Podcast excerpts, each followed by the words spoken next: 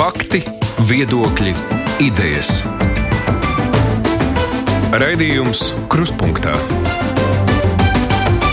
ar izpratni par būtisko. Ir kruspunktā laiks pie Latvijas radio mikrofona Arnēs Krausa. Sveicināti! Kopš Krievijas iebrukuma Ukrainā Latvija ir kļuvusi par daudzu Krievijas žurnālistu patvērumu vietu. Oficiāli tiek ziņots, ka vismaz 200 Krievijas žurnālisti ieradušies Rīgā, un vairāk nekā 20 mediju organizācijas tieši no Latvijas turpina informēt Krievijas un pasaules sabiedrību par aktuālāko šodien. Lielākajai daļai žurnālistu tas bija piespiedu un izmisuma solis īsā laikā pamest savu pilsētu, savas darba telpas, daļu savu tuvinieku, lai turpinātu žurnālista darbu. Ja viņi paliktu Krievijā pēc Putina likumiem, šie cilvēki šobrīd iespējams jau atrastos uz tiesas sola vai jau aiz restēm. Daudz krievijas žurnālisti tagad ir Latvijā, bet pēdējās nedēļās arvien skaļāk sociālajos tīklos un citviet izskan jautājums, kas viņi ir.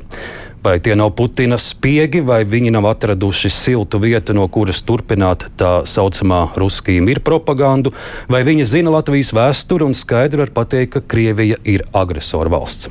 Īpaši liela uzmanība pievērsta televīzijas kanālam Dožģ, kas Krievijā bija pēdējais un lielākais televīzijas kanāls, kurš kritizēja Putina režīmu. Tas tagad raida no Rīgas. Ir ļaudis, kuriem nepatika, kā šī kanāla žurnālisti izvaicāja, piemēram, Rīgas mēru Mārtiņu Staķi ir ļaudis, kuri arī dožģ žurnālistus sauc par Kremļa aģentiem. Krievijas žurnālisti Latvijā Kremļa aģenti vai piemērs kādai jābūt kritiskai un objektīvai žurnālistikai. Arī par to mūsu saruna šodien kruspunktā. Studijā esam aicinājuši Latvijas Rādio 4 galveno redaktori, žurnālistu Annu Stroju. Labdien, Aija! Labdien! Baltijas mediju izcelības centra izpildu direktoru Guntu Slogu. Sveika, Gunta! Labdien, Arni! Un uh, attālināti mums pievienojas arī Aleksis Dundā, Latvijas televīzijas žurnālists. Aleksis, sveiki! Labdien! Un arī raidījuma gaitā mēs sazināsimies ar rakstnieci un publicisti Marinu Kostaņecku. Par Dožu noteikti un šo interviju un citām mēs detalizētāk runāsim, bet ievadā es vēlos jums vaicāt, vai Latvija savas durvis Krievijas eh, žurnālistiem nav atvērusi pārāk plaši, vai gluži otrādi mums ir jāuzņem un jādod patvērums visiem Krievijas žurnālistiem, kuri vēlas objektīvi turpināt ziņot. Gunte, sākšu ar tevi, jo īsam ievadam, tava ikdiena saistās ar to, ka tu daudz sazinies ar Baltkrievijas, ar Ukrainas, arī ar Krievijas žurnālistiem. Un, uh, labo, ja tā nav, bet tu viņiem arī savā ziņā palīdzi to patvērumu Latvijā Rīgā atrast. Jā, es gribu piebilst, ka mēs arī palīdzam Ukraiņu žurnālistiem, piemēram. Un, un es, un, teiksim, tas spektrs ir plašs, un Krievijas žurnālisti ir tikai daļa no visas tās palīdzības, ko mēs sniedzam. Un, protams, jautājums, cik durvis plašas atvērtas, te ir jāuzsver, ka, ka patiesībā Latvijā ir iebraukusi tikai neliela daļa no no tiem, kas aizbrauca, aizbrauca pēc pašu krievu žurnālistu aplēsēm vairāk nekā 500, un kā jau tu pats minēji, tad pie mums ir apmetušies nedaudz vairāk kā 200. Un, Un, uh, ir skaidrs, ka tā ir, ka tā ir neliela daļa. Un te, ja mēs jautājam, ko mēs esam ielaiduši un kā, tad, protams, tas mēs kā centrs vai kā citi, protams, šeit darbojošies NVO un uh, mēdīji Mēs varam pārbaudīt tikai šo žurnālistu darbību, un, un manuprāt, līdz šim nav Latvijā iebraucis neviens, kurš, kurš līdz šim nebūtu darbojies kā neatkarīgs žurnālists saskaņā ar neatkarīgiem žurnālistikas principiem. Bet tas, kur pēdējo nedēļu laikā visi šie narratīvi par spiegiem un tā tālāk, tad atvainojiet Galu galā vīzas neizsniedz ne Baltijas mediju izcelsmes centrs, nekāds cits NVO vīzas izsniedz attiecīgās iestādes, un attiecīgo iestāžu līdz ar to uzdevumā ir noskaidrot, ko viņi valstī ielaiž. Un tā tad, ja šīs iestādes ir valstī šos cilvēkus ielaidušas, tad es pieņemu, ka viņas ir pārbaudījušas un secinājušas, ka viņi ir valstī ielaižami. Es... Es vēlreiz uzdošu to pašu jautājumu, vai mēs savas durvis neesam atvēruši pārāk plaši? Es gribētu teikt, ka, ka un to jūs noteikti varētu jautāt ārlietu ministrijai, ka, ka jau tagad tas ir šaurs koridors, tās nav plašas durvis. Jau no paša sākuma tas ir bijis šaurs koridors. Jo gribētāji krietni vairāk? Protams, protams, ka gribētāji ir krietni vairāk, un tas no sākta gala ir bijis šaurs koridors. Un tagad viņš ir kļuvis, protams, pavisam, pavisam, pavisam gandrīz teiksim, aizvērts. Arī pēc Dožģa intervijas savā ziņā? Uh, tas, tas nav gluži saistīts ar Dožģa interviju, jo ir jāsaprot, ka, protams, teiksim, arī šeit ir kapacitāte kaut kāda, jebkam, kā te mēs skatāmies, ka tie jau te es gribētu ļoti uzsvērt, ka mēs koncentrējamies uz dažu, bet ir, piemēram, pie mums arī lielas redakcijas, BBC redakcija, kas aizbrauc no Maskavas Deutsche Welle, Radio Free Europe, Radio Brīvā Eiropa. Uh, Tāpat arī Current Times, Washington Post, ir atsevišķi korespondenti Financial Times, un viņiem visiem šeit vajag teiksim, šo vispār atbalstu, kur ierīkot studijas, kur ierīkot visu kaut ko. Un, teiksim, nu, mūsu kapacitāte ir tāda, kāda ir, un, un ir skaidrs, ka te nemaz es domāju, ka ka nekādas plaši atvērtās durvju politikas nekad nav bijis un nebūs. Tas ir tiešām tāds ļoti skaidri arī saprotot, kas ir šie mēdī, kas uz šejiem brauc. Anna. Es piekrītu. Lielos vilcienos man nav ko piebilst. Es esmu uh, netik uh, cieši iesaistīta procesā kā Gunta, tāpēc es domāju, ka viss, ko viņa pateica, ir. Es pieļauju, ka, ka daļu no, šiem, no šīm redakcijām, šiem žurnālistiem tu pazīsti, jo, jo tās ir arī lielas redakcijas. Kopumā vērtējot tos, Krievijas žurnālists, kas Latvijā ir nu, atvēruši patvērumu. Es drīzāk viņus... to pazīstu, ka tomēr kā, kā skatītāja vai kā lasītāja, jo man tādu ciešu personīgu kontaktu ar Krievijas žurnālistiem nav. Zinām, mērā tas ir tāpēc, ka mūsu ikdienas darba tomēr ir Mēs apzināti, mums bija diskusija nesen par to, vai mums jāpārorientējas un jā, mums arī nu, jādod vairāk informācijas vai jāatspoguļo um, dziļāk uh, procesi Krievijā. Mēs nolemam, ka tomēr nē, mūsu galvenais uzdevums ir nu, teiksim, local agenda, proti, vietējā dienas kārtībā. Um, tas ir viens. Otrs, um, ne tik daudz par Krievijas, bet es gribētu arī kopējā kontekstā runāt par, piemēram, Ukrainas žurnālistus. Es ļoti labprāt uh, viņus pieņemtu darba, bet ir uh, objektīva nepieciešamība pēc latviešu valodas. Un, uh, mēs varam sadarboties, bet tad uh, viņu tēmu lokus būs nu, pārāk šaurs. Un tāpēc, piemēram, mums ir ukrāņu raidījums, ukrāņu valoda, kura uh, mēs ļoti daudz runājam un stāstam par, mm, par Latvijas aktualitātēm uh, ukrāņu bēgļiem, bet to dara arī ukrāņu žurnālisti, bet vietējas žurnālistes. Jo tomēr viņam jāzina, uh, piemēram, mūsu valsts iestāžu. Mm, dienas kārtību, viņam jāizlasa preses relīze vai dokuments latviešu valodā. Līdz ar to diemžēl es nevarētu viņus pateikt, ja es gribētu viņus algot. Nu, es neesmu arī darba devis, formāli ir valde, mūsu valde, radio valde, bet es arī nevarētu viņus nu, patiesībā pilnvērtīgi. Pilnvērtīgi mm, algot un izmantot. Uzklausīsim arī Aleksēju. Aleksēju, tavs viedoklis par durvju atvēršanu Krievijas medijiem Latvijā. Nu, Man gluži nav saprotams, saprotams eh, pats jautājums, kāpēc nedrīkst dot patvērumu, patvērumu eh, žurnālistiem, kuri vēlas sniegt objektīvu informāciju. Žurnālistiem, kuri vēlas sniegt neobjektīvu informāciju, es varu saprast, kāpēc viņam nevar atvērt eh, durvis. Bet tiem, kuri vēlas sniegt objektīvo informāciju, to es nesaprotu. Un kāpēc viņam nevar atvērt durvis? Nu, kāpēc? Man nav atbilžu uz šī uz, uz dotu jautājumu. Nu, nav. Es drīkstu pateikt uh, tādu skarbaku lietu, jo, manuprāt, tas arī jāskatās arī plaši tajā kontekstā, ka ir arī citi Krievijas uh, pilsoņi, Krievijas iedzīvotāji, kuriem varbūt būtu nepieciešams patvērums. Bet es domāju, tā, ka, nu, ja pat mēs teiksim, vērtu plašas durvis arī, arī citam kategorijam, tad tas arī ir pienākums mūsu valstī. Jo, piemēram, ja tagad Krievijas man ir, no maniem radiem ir um, maskavietis, jauns puisis, kurš grib mācīties Vācijā, tad manai meitai, kura dzīvo Berlīnē, jā, jānokārto papīrs, ka viņa ir viņas tā kā pilnvaroties, vai kā es nezinu, aizbil, es nezinu, neatceros to juridiski korektu apzīmējumu, bet ka viņa garantē ar savu, ar savu vidējo algu iespēju palīdzēt tam studentam, ja ja viņam tas būs nepieciešams. Un tā nemaz nav maza summa, tur ir 3500 eiro. Ja?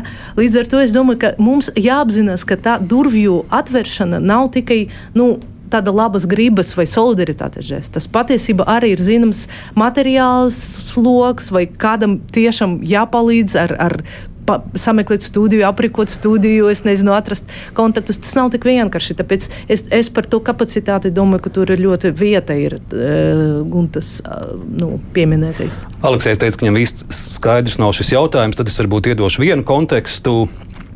Valsts drošības dienests ir brīdinājis mūsu valsts augstākās amatpersonas, ka pastāv riski Latvijā darbu sākot ar vien vairāk eh, Krievijas mediju uzņēmumiem un citāts valsts drošības dienesta komentārs Latvijas radio. Varam arī norādīt, ka šajā sakarā dienests ir identificējis riskus gan Latvijas informatīvās telpas drošībai, gan izlūkošanas riskus, kas saistīti ar to, ka mediju darbība tradicionāli bijusi Krievijas spēcdienestu interešu lokā. Aleksē, šāds konteksts. Nu, daži riski pastāv. Ir risks, ka es aiziešu uz ielu un vadīs atriks automašīna. Ir tas risks. Ir. Nu, drošības dienestiem arī jāpateic katru reizi, ka jā, ir tādi riski sakarā ar izlūkošanu. Es būtu izbrīnīts, ja viņi pateiktu, ka, ziniet, nekādu risku nav, un mēs vispār varētu iet atvaļinājumā. Līdz septembrim. Nu, tas, taču, nu, tas ir normāls komentārs. Jā, pastāv riski, un drošības dienestiem ar tos riskus jā, jāizvērtē un jācīnās ar tiem, kuri nu, teikt, vēlas ļaunprātīgi izmantot mūsu viesmīlību. Bet to jādara drošības dienesti, nevis Twitter rakstītājiem. Es uzskatu, ka ka ar šo paziņojumu ir nedaudz sabiedrībā tāds eh, radīts priekšstats, ka tagad visi krievu žurnālisti ir spiegi. Eh, mūsu centrs gadiem strādā ar dažādām sensitīvām valstīm, un mēs vienmēr esam zinājuši, ka mēs tātad pastiprināti varam būt attiecīgo valsts pēcdienestu uzmanībā. Mēs esam ļoti rūpīgi sekojuši līdzi, kam, kā mēs strādājam ar žurnālistiem, kas ir apdraudēti. Un te es runāju plašāk, es te nerunāju par Krieviju, bet par visu plašāku austrumu partnerības bloka valstu areālu. Un mēs to vienmēr esam zinājuši. Un, teiksim, tāpēc, kad valsts drošības dienests izplatīja šādu paziņojumu, ko, teiksim, nu, jebkurš cilvēks, kas šajā jomā strādā, viņš, viņam tas ir tāda ikdiena, viņš to saprot. Man gribas, lai valsts drošības dienests tad uh, spēr nākamo soli tad lai viņš pasaka, jā, šis A cilvēks ir spiegs, lūdzu, mēs viņu izraidam atpakaļ. Bet šādi paziņojumi, viņi neko nedod, jo jomā strādājošie ļoti labi apzinās, viņi spēr drošības pasākumus un tā tālāk, lai to ierobežot. Vai, jo šobrīd, protams, mēs runājam par šo otrā viļņa emigrāciju, ja tā var teikt, bet mēs jau piedzīvojam pēc 14. gada pirmā viļņa žurnālistu emigrāciju, mēs redzam medūzu, mēs redzam individuāls personas. Un nu jau ilgāku laiku sabiedriskajā telpā ir, piemēram, par vienu žurnālistu, ko es vārdā nesaukšu, šī šīs dažāda veida bažas, tāpēc ka viņš arī izdara visu, lai šīs bažas būtu, tā skaitā man. Nu, un, es viņu nu, vārdu nosaukšu, domāju, tu domā Leonīdu Ragozinu. Nu, lūk, un, un, piemēram, es ļoti labprāt gribētu dzirdēt no valsts drošības dienas, lai viņš pasaka, vai šis cilvēks tad ir noteikts valsts apmaksāts provokators, vai viņš vienkārši ir cilvēks ar maigi sakot dīvainiem uzskatiem. Bet nu tad speriet arī to nākamo soli un skaidrojiet sabiedrībai. Mēs uh, Tagad konkrētāk pievērsīsimies Dožģi, jo tas bija tas stāsts, kas burtiski uzspridzināja visu šo Krievijas žurnālistu atrašanos Latvijā situāciju un uh, interviju ar Mārtiņu Staķi, Rīgas mēri, pirms tam arī interviju ar uh, politiķu Jačeslavu Dambrauski. Mm, ievadam, uh, lai būtu pārstāvēts arī Dožģa viedoklis, uh, tā nu sanāca, ka Dožs tagad ir atradis mājvietu uh, manā darba vietā, un mums ir arī kopīgi grimētava, un vakar, gatavojoties ziņām, es uh, satiku vienu no Dožģa raidījuma vadītājiem, bet tā kā mums tā saruna bija privāta un, un grimējoties, tad, tad es neminēju šī žurnālista vai žurnālists vārdu, bet, bet pavisam īsts komentārs par to, kas notiek šobrīd dažādos komentāros. Es dzirdēju tādu vērtējumu, ka, protams, viņi Doža redakcijā ir pamanījuši, ka Latvijas sabiedrībā ir tik plašas diskusijas par viņu darbu un viņi to ļoti pārdzīvo, ka daži ir izteikuši pieņēmumu, ka daži žurnālisti ir Latvijai nedraudzīgi un Kremlim simpatizējoši. Šī žurnāliste arī ļoti novērtēja, ka Latvija ir devusi viņiem patvēru un, ies, un iespēju turpināt raidīt. Un man viņa arī atgādināja, ka karš nav atcēlis žurnālistikas pamatprincipus, uzdot jautājumus, arī nērtus, arī dažādu vērtējumus jautājumus, bet uh, tas viņiem ir svarīgs princips uzdot jautājumus, kuri interesē viņu skatītājus. Nu, protams, viņi, viņi teica, ka ir sāpīgi tādu lasīt, ka viņus sauc par putinistiem. Lai nu kurš, bet mēs tik daudz esam cietuši no Putina režīma. Tāds bija arī šīs žurnālists vērtējums par šo dožģu interviju ar Mārtiņu Staķi. Kad es pirmos tos fragmentus pamanīju sociālajos tīklos, es teikšu godīgi, arī es biju diezgan izbrīnīts un, un, un ieplētāts par to, ko es tur dzirdēju. Tad, kad es noskatījos visu 40 minūšu garo interviju, tad, protams, man tas viedoklis ne, vairs nebija tāds kā pirmajā reizē. Par pašu interviju. Tātad žurnāliste Kotrikādze intervē Mārtiņu Staķi, un pēc tam, piemēram, režisors Alvis Hermans saka, ka tā vairs nav žurnālistika, tā ir brutāla politiska manipulācija, pilnīgi noteikti pret Latvijas interesēm. Ne, Anna, man man, man nemaz nav tas viedoklis. Es uzskatu, ka tā intervija bija mm, laba. Varbūt mēs tiešām uh, netik daudz esam pieraduši pie tāda stila, kad žurnālists tomēr cenšas dabūt atbildi, nevis vienkārši uzdot jautājumu un uh, laid neatbildēt. Manuprāt, jautājumu loki bija uh, tiešām atbilstoši Krievijas auditorijas interesēm. Tiesa, es no savas puses teiktu, ka, ja uh, kāda būtu mana žurnāliste, es varbūt viņa bišķiņa um, uzradīt uz to, ka tomēr Staķis nav nacionālis politiķis. Nu, tomēr, jā, protams, Rīga ir valsts pilsēta, taču, vai kā tagad jaunais nosaucums valsts piederīga valsts pilsēta, taču tomēr, uh, nu, piemēram, daudzi jautājumi, manuprāt, būtu vairāk uz, uzdodami Rinkeviča kungam, ārlietu ministram, nekā, nekā mēram, bet, bet es saprotu, ka, nu, varbūt tik smalki tiešām, um, nu, Maskavas žurnāliste ne, nu, nebija domājusi par to.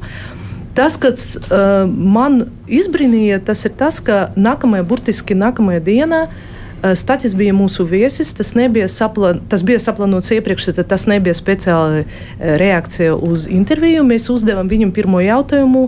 Jo, manuprāt, bija ļoti svarīgi arī man, kā jau Latvijas žurnālistē, saprast, ko domā pats uh, Stāķis, ko domā pats uh, Rīgas uh, domas priekšsēdētājs. Uh, Un arī viņa atbilde bija visi korekta. Viņš teica, ka, ja kādam nu, tur kas saka, ka jūs uh, aizvainotam, tad tā varētu būt es, bet es nejūtu nemaz to aizvainojumu. Un viņš arī uh, akcentēja svarīgu lietu, ka pateicoties lielai uh, dožģa auditorijai, viņa viedoklis ir novests līdz arī tiem Krievijas pilsoņiem, kuri tiešām varbūt dzird tikai un vienīgi um, Kremļa kaut kādu narratīvu par pieminekļa nojaukšanu. Es uzskatu, ka mēs kopā izdarījām labu darbu. Un, godīgi sakot, es pateikšu publiski, man ir žēl, ka um, tad, kad mēs publicējam šo fragment sociālajos tīklos, tā pati Kaķa nu, nebija pat, uh, nereaģēja pat uz to manu hashtag, nu, kā to saukt, uh, linkoša, kā to latviešu piedodiet, nezinu vārdu. Var sakt, tad, kad mēs akcentējam viņu viņus kā adresātus. Nu, viņa varētu vismaz pateikt, tam, paldies par solidaritāti, kaut ko tādu viņa to nebija pamanījusi. Nu, labi. tā gadas varbūt tiešām viņi sabiedriski mēdīji, viņi nav, nav saka, nav interes, neinteresē. Tad, tad man kaut kāda tā, tā bišķiņa, tā rūkta piegarša ir, bet tomēr visa tā lielā diskusija, es domāju, ka neapšaubāmi tā ir žurnālistika. Neapšaubāmi viņam ir uh, tiesības uzdot jebkādus jautājumus, vai viņa nebija ļoti iedzinājusies kontekstā. Varbūt tā, bet arī tur nebija nekas, kas, uh, manuprāt, liecinātu par ko pretēju. Tad, tad es domāju, ka tomēr Hermanim ir mazliet kaut kāda sava sava līnija uz to visu. Un es atvainojos, bet, nu, piedodiet, nu, nu viņu, viņa paša kontaktē ar Krievijas nāciju teātri, kur Jevģīnis Mironovs bija direktors un kad tas Mironovs tagad nu, tiešām uh, nemaz nav pat distancējies no, no nu, Maskavas. Tad nu, jābūt nu, ziniet, Alvim Hermanim klāt, lai mēs runātu atkal par viņu, bet mēs paliksim, Katram ir savs viedoklis. Paliksim pie Dožģa Gunta tavuprāt, vai Vai, bija um, labs, vai šis bija labs žurnālistikas piemērs, jo šeit žurnālisti nevien uzdeva jautājumus, bet arī pauda pati savu kritisko attieksmi, piemēram, pret plānotajiem stingrākiem ierobežojumiem Krievijas pilsoņiem iekļūt Eiropas Savienībā. Viņa arī pauda uh, savu kritisko viedokli pret to, ka tagad uh, pret Krievijas iedzīvotājiem tāda kā kolektīvā vaina tiek noteikta par Putina noziegumiem. Tāpat viņi vaicāja, vai, piemēram, uzvaras okupācijas pieminekli nevarētu pārvietot un atdot Pēterburgai. Tādi, teiksim, tā iekodēti jautājumi varbūt tās. Vai šis bija tāds labākās žurnālistikas paraugs, tavuprāt? Te ir, manuprāt, jāsāk ar to, ka jāsaprot, ka, ka dožģa žurnālistika stilistiski nedaudz atšķirās. Jūs paskatīsieties visus viņas raidījumus, viņu raidījumus, viņi vienkārši ir emocionālāki. Un tas vispār ir jautājums teiksim, par Latvijas žurnālistiku kā tādu. Mēs tomēr esam tādi vairāk ieturēti, vairāk piesardzīgi. Tāpēc es teiktu, ka visi tie jautājumi, ko viņi uzdeva, bija leģitīmi, tāpēc, ka pat ne leģitīmi, bet vienkārši jautājumi, jo šie ir jautājumi, kas interesē viņu auditoriju auditorija šādus jautājumus saklausījusies Kremļa propagandu uzdod. Līdz ar to viņi uzdod auditorijas jautājumus. Es pat negribu šajā iedziļināties, jo Anna, man liekas, viss jau ļoti labi pateica. Es drīzāk gribu atgādināt, savulaik Vairai Viķai Freibergai bija intervija BBC Hard Talk, pēc tam to vēl ilgus gadus žurnālistikas studentiem rādīja. Un, manuprāt, viņi vēl tulkojumā tika palaista pilnībā, man liekas, Latvijas televīzijā, kuru mēs visi skatījāmies un jutām līdzi vairai, kā, ja mēs kā, bijām šokā, kā, kā mēs jautā. bijām pilnīgi jā. šokēti un ārprātā, un kā viņš var uzdot vispār viņai nepatīkamus jautājumus, kaut ko par Krievijas viedokli, par leģionāriem un visu, un mēs bijām ārprātā un kolektīvā līdzjūšana vairai bija, kura, paldies Dievam, zinot vairs spējas, visus jautājumus atraidīt. Tā kā mēs vienkārši, mums dažkārt Savukārt, protams, varbūt vēl Dombūrs uh, saņemās un, un uh, izpilda šāda veida žurnālistiku. Bet, bet mums vienkārši nav šāda veida žurnālistikas. Un, uh, nu, nu, nu, ne, nevaru nav. piekrist. Es nevaru gluži piekrist. nu, es nevaru teikt, ka mēs sava, savas intervijas uzdodam tikai uh, komplementārus. Nē, mēs neuzdodam komplementārus. Es drīzāk runāju par to asumu un emocionalitāti, kas mums nu, nav tomēr. Nu, mums nav tāds hardtalk stila. Es gribu dzirdēt Aleksēju viedokli arī tādēļ, ka tu savā ziņā arī esi bijis Dožģa kurpēs, arī tavas intervijas LTV 7, Točkinad I ir vērtētas, ir vērtētas arī sociālajos tīklos, dažādi un arī kritiski, un pat vēl vairāk ir, ir par, par tavu raidījumu bijusi arī ierosināta administratīvā lieta, kura gan ir izbeigta, Neplis to ir izbeidzis, nesaskatot nekādus pārkāpumus, bet droši nu, tavi nervi arī ir pakutināti bijuši. Uh, nu jā, nervi bija pakutināti. Es, es, es nekomentēšu kolēģu darbu, jo nu, tāds mans ir princips. Es vienkārši nekomentēšu, vai cilvēks, kas strādā Latvijā slikti, nointervēja citu cilvēku vai labi. Nu, es gribu būt neitrāls šajā ziņā, bet tas, kas mani patiešām un ne pirmo gadu jau uztrauc, tas ir mūsu sociālo spēks izraut izraukt intervijas no konteksta, parādīt intervijas nelielu daļu, un apspriest nevis visu to intervijas kopumu, bet tikai to maziņu izrauto daļu, apspriest to kaut kādas apspriest teorijas, kaut kādas apvainojumus rakstīt un tā tālāk. Un tas absolūti, nu, no vienas puses tas ir normāli, kad notiek apspriešana. Bet no otras puses tas absolūti nav normāli, jo neapspriež to kopdarbu. To interviju kopumā, bet apspriež nu, savus, savus izskatus, savu, savus, savu viedokli par to interviju. Bet nu, viedoklis ir viedoklis. Katram ir viedoklis. Man ir viens, citam ir otrs. Bet, tas pats noticis ar to, ar to Hermaņa komentāru.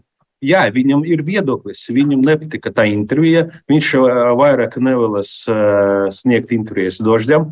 Uh, un, ja viņš tajā vietā pieliktu punktu savam uzrakstam, tad man nebūtu nekādu jautājumu. Nu, nepatika un nepatika. Bet kas man, kas man nepatika, tas, ka viņš, kā es sapratu, uzrakstīja kaut kādu iesniegumu, drošību, iesniegumu drošības dienestam. Par to, ka viņam nepatika intervija, Tas ir normāli, nu, varbūt normāli Hermaņa kungam, bet nu, teiksim, es arī noskatījos to uh, Hermaņa uh, to, uh, nu, to, to, to lūgu par Gorbačovu, kur tur Mironovs spēlējas ar, ar Hamatovu, tur to Maskavas teātri to rādīja, izradi. Bet, uh, Nu, tur arī man bija jautājumi, kā skatītājiem.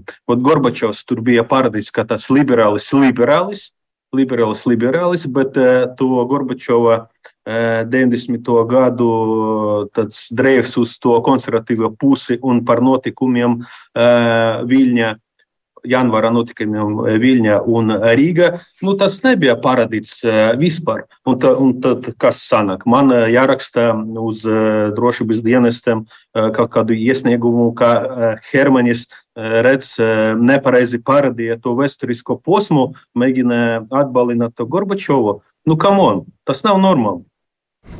Aleksis jau minēja, ka tagad šo Mārtiņa Staķa interviju katrs izmanto uh, savām vajadzībām, izraujot tieši atsevišķas frāzes. Un es pirms raidījuma arī noskatījos uh, Krievijas galvenais propagandists Kisaļovs. Arī savā raidījumā ļoti veikli arī ir izrāvis dažus citātus no šīs gandrīz stundu garās sarunas, protams, ietērpjot to savā mērcē un, un izmantojot šo stāstu, parādot, lūk, ja pat latviešiem nepatīk dožģi nu, tad jūs redziet, kādi viņi ir rusofobi, kādi viņi ir nacionālisti. Te ļoti, nu, tad, ļoti veikli man... katrs izmanto visu to.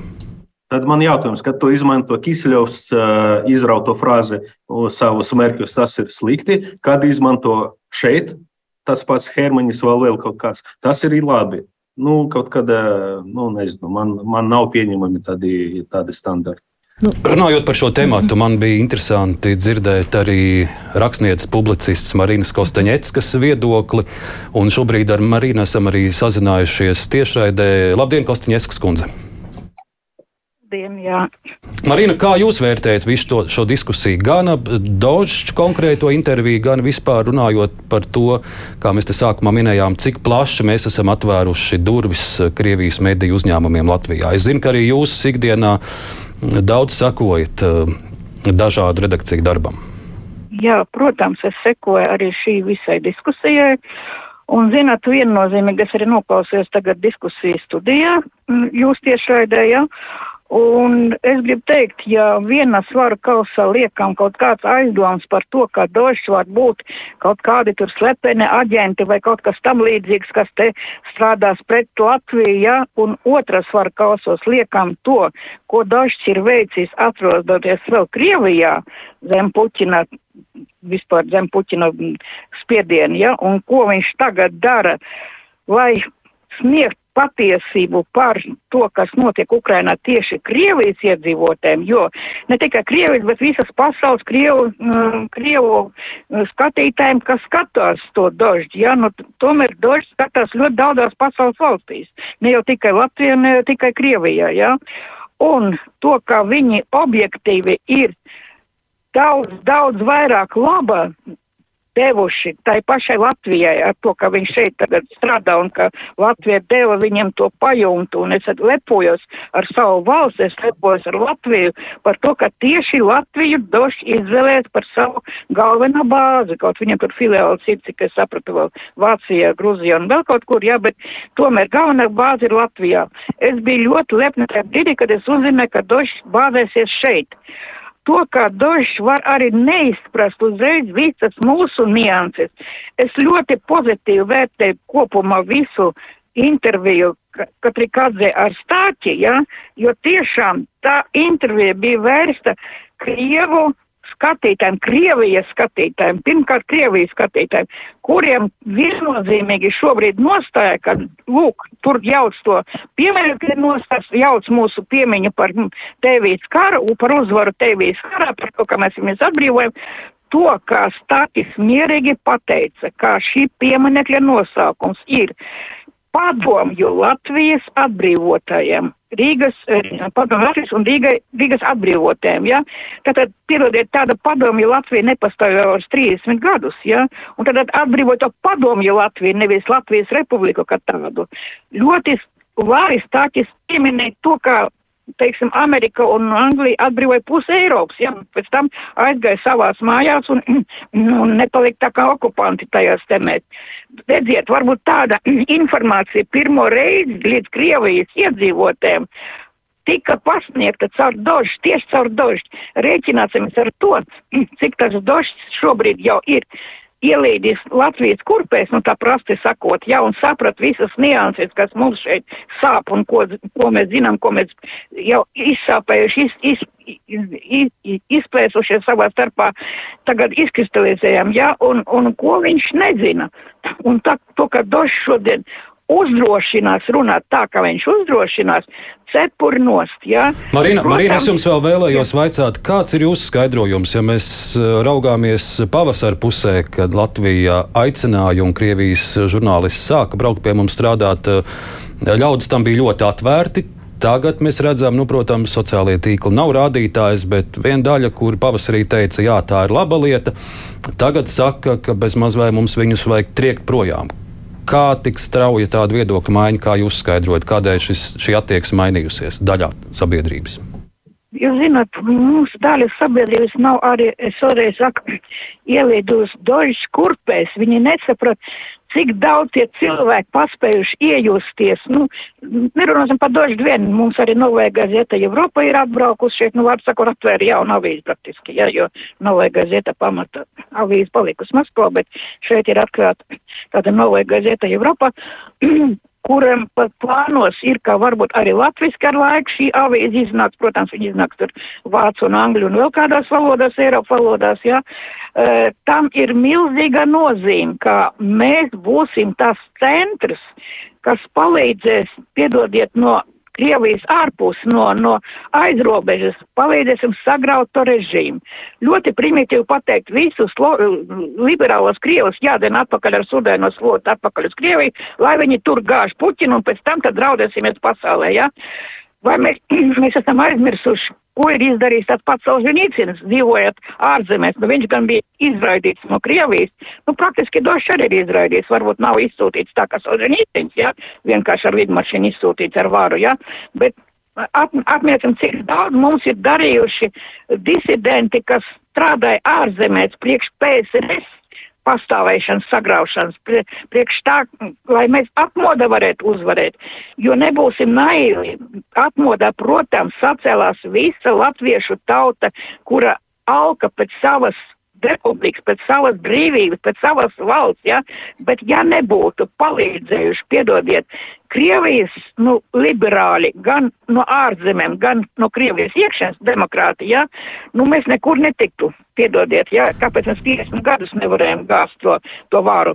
Marina, mēs... Marina, es jums eh, tiešām teikšu lielu paldies, paldies par jūsu Jā. vērtējumu, par jūsu viedokli. Kruspunktā šodien mums pievienojās rakstniece publiciste Marina Kosteņets, ka turpinot eh, sarunas no studijas, eh, es vēl jums vēlējos jautāt vienu Viens mans stāsts arī no šīs vasaras. Um, vienā, vienā sestdienā es diezgan nejauši nokļuvu vienā, vienā kompānijā ārpus Rīgas, kur bija kaut kādi 5-6 Krievijas žurnālisti, vairāk tādi sabiedriski aktīvi cilvēki, diezgan labi zināmi. Un, un sākot sarunu, es ar katru nākamo minūti kļuvu arvien apmulsušāks, jo bija viena. viena Sieviete, kur arī šeit jau dzīvo kādu laiku, viņa ir diezgan labi latviešu valodu iemācījusies, un uzturēšanās atļauja ir, un viņa ir zināma arī saistībā ar to, ka viņa bija cieša Navaļnijas sabiedrotā un tā tālāk. Mēs sākam runāt, un viņa man vaicā, Bet kādēļ jūs latviešu skolās liekat eh, krievu bērniem mācīties latviešu valodu? Kur viņi liks to latviešu valodu? Taču labāk ķīnieši vai spāņu, tā jūsu valoda tik maza. Un tad es atkal tā pabrīnījos, ka no vienas puses, jā, liberāļi, demokrāti, bet tad man bija sajūta, ka viņi, nu, ka viņi tomēr no Maskavas un skatās uz mums kā, nu, nu, kas jūs tā jūsu latviešu valoda. Tā kā, nu, tāda ir mana pieredze. Varbūt tas ir viens izņēmums, bet droši vien ar to es gribu teikt, ka, ka ļoti dažādi ir arī tie liberāļi un arī tie žurnālisti, kur ir atbraukuši. Ļoti dažādi ir arī mūsu sabiedrības liberāļi. Es domāju, ka šeit man liekas, šobrīd ir tāda ļoti liela bīstamība, ka mēs mēģinam uzlikt kaut kādu vienu lielu tādu zīmi vai zīmolu visai šai grupai cilvēku, kas ir ļoti, ļoti dažāda un kurai ir šie dažādie uzskati. Un, protams, ka mums visiem gribētos, lai viņi labāk saprot, kas šeit notiek un kā notiek. Un es ceru, ka tā arī notiks, ja viņi ilgāk paliks. Bet, bet tu jautāji par to, man gan liekas, gribas atbildēt uz to iepriekšējo jautājumu, ko tu jautāji arī Kostaņets kundzei, kāpēc tieši šobrīd, nu atcerēsimies, ka šobrīd ir priekšvēlēšana laiks un mēs redzam, ka Šī gada kampaņā nu viens no lielajiem jautājumiem ir Krievija, attieksme pret Krieviju. Ir nu, visvienkāršākais veids, eh, ir kādam piekārt Kremlina, Putinista birku. Un, nu, mēs vienkārši redzam, ka Došķi ir viens no šiem gadījumiem, bet eh, mēs jau pat redzam to, ka pat uh, attieksmē pret Latvijas mēdījiem patiesībā, kas man pat varbūt uztrauc vēl vairāk. Jo, ja mēs šeit galīgi Dožģam padarīsim dzīvi ne, ne, neiespējami, viņš aizbrauks uz Berlīnu un Amsterdamu, un tad mēs te varēsim, kā teikt, sēdēt paši. Bet te ir tas stāsts par to, ka arī Latvijas mēdījiem šobrīd jau tiek teikts, ko viņi var, ko viņi nevar, un ir tāda tā, ka melnbalta pasaule tiek iezīmēta, un tikko kā tu pārēji kaut kur mēģini arī parādīt to otru pusi, tad tev jau nosauc par Kremlinu. Tā kā šis ir tāds priekšlēšana laiks, kur, diemžēl, mēs esam nonākuši līdz tai bīstamībai, kur tevi, ja arī tev var vienā brīdī par Kremlinu jau pataisīt. Es vēl neesmu e-pasta apskatījies, bet gan jau tur arī tādi komentāri ir. Bet, ja tu, Gunte, piemini Latvijas medijas vēl pāris minūtes un, un Pieminam arī Latvijas medijas, jo nu, tagad Dožs tiešām kratam ārā no, no, no pārpalām, ja, un, un Dožs tiek apspriests, bet cik mēs paši esam paškritiski par to, kas ir mūsu medijos un cik lielu mēs tam uzmanību pievēršam, nu, piemēram, vakar. Uh, pamanīju, un to vairāk cilvēku pamanīja, ka portālā LALV bija ievietots raksts un tā virsraksts, kā Džordžs Bušs un NATO neģēļi piekrāpa Gorbačovu. Viss raksts atsaucas uz vienu bijušo Reigana padomnieci, kur, kā es saprotu, nu, viņa ir diezgan līdzīgā statusā kā Šrēders un vēl daži labi. Viņa ir Krievijā laikam. Ja ne viņai pilsonība iedota, tad viņai kāds ordenis vai kas cits. Vienādi sakot, ļoti nekritisks raksts par to, kā NATO piekrāpa Gorbačovu. Es biju sagaidījis, ka ap šo rakstu kaut kādi vērtējumi vai, vai troksnis būs lielāks, bet, bet, bet nē. Nu, arī Anna, ja mēs paskatāmies paškritiski uz to pašu Latvijas Rādio 4, arī ir bijuši gadījumi, kuri, kuri ir bijuši vērtējumi, cik kāds konkrēts sižets, kas izskanējis ēterā, ir bijis objektīvs, un vai tur vairāk nav kāds Maskavas narratīvs. Jā. Pašiem uz sevi arī jāpaskatās. Es, es visu, tieši tā, tieši tā. Un es domāju, ka, ja mēs uh, zinām, viena lieta. Uh, runāt par um, kaut kādu, nu, teiksim tā, es arī neesmu antropoloģija, bet nu, nu, kaut kādu kultūras kodu.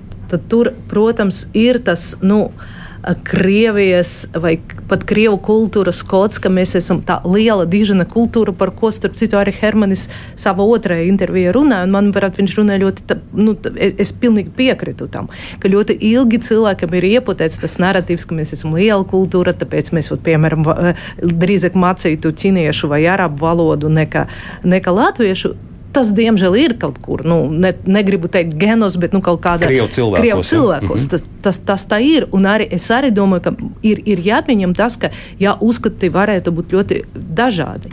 Jautājums ir par, ko, par to, vai mūsu uh, sabiedrība ir vieta diskusijām, vai ir vieta uh, vērtējumiem. Uh, to esi pieminējis, um, vai, vai tad sociālā tīkli var rēģēt uz kaut ko, lai rēģē. Labāk runāt nekā nerunāt.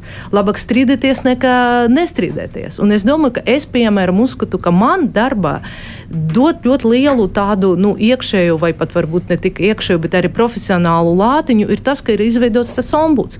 Jo es tiešām domāju, ka man ļoti gribētos dzirdēt, piemēram, Andas Rožukāns kaut kādu arī viedokli, kaut par Dožģu, kaut par mūsu redakcijas darbu, jo tas ir svarīgi. Mums svarīgi, lai būtu kāds, kurš pateiktu, vai ir, teiksim, sarkanas līnijas, ko nedrīkst šķirsot, vai tomēr tā ir uzskatu kultūrāla dažādība, vai tā ir e, žurnālista neprofesionalitāte. Tas ir divas vai trīs ļoti dažādas lietas.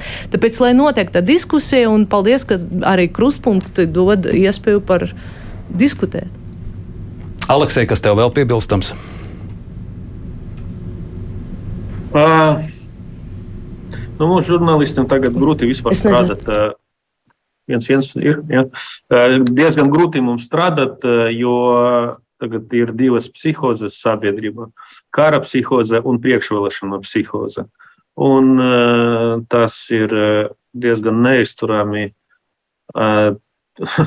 šo žurnālistiem strādāt starp tam divām psihozām, jo par katru vārdu, ko tu teiksi, atradīsies kaut kāds cilvēks, kuram tas vārds nepatīk, un par katru vārdu, vārdu, par katru vārdu tev būs jānes atbildība no kaut, kaut gan sostiklos. Es jums izstāstīšu, ka pirms kaut kur pavasarī piedalījos arī krustpunktā. Arī nu, Aleksei, mums ir 20 sekundes, tā kā ļoti īsi. Nu, labi, pateicu, pateicu, ka ne visiem šis piemineklis pārdaugava ir tikai tas atmiņā par okupāciju. Ir cilvēki, kuri tiešām uzskata to, ka to atbrīvoto pieminekli. Ir tādi cilvēki, es vienkārši to faktu pateicu, ka ir tādi cilvēki, ka, kuri tā uzskata. Un arī izgriezā, izgriezā šo, ra, šo raidījumu daļu, daļu uz, uzrakstīja Facebookā lielu rakstu par to, redz, kāds esmu slikts cilvēks, kaut ko nepareizi pateicis. Nu, tas ir. Nu, tas kolēģi, redzēsim, raudzīsim kādus fragmentus no mūsu šīs dienas raidījuma. Mēs pēc kādas stundas jau Twitterī varbūt arī ieraudzīsim. Bet šobrīd es saku paldies Latvijas Radio 4 galvenajai redaktorai Annai Strojai, Baltijas mediju izcelības centra izpildu direktorai Guntai Slogai, Latvijas televīzijas žurnālistam Aleksejam Dundam. Klausītāji, brīvais mikrofons.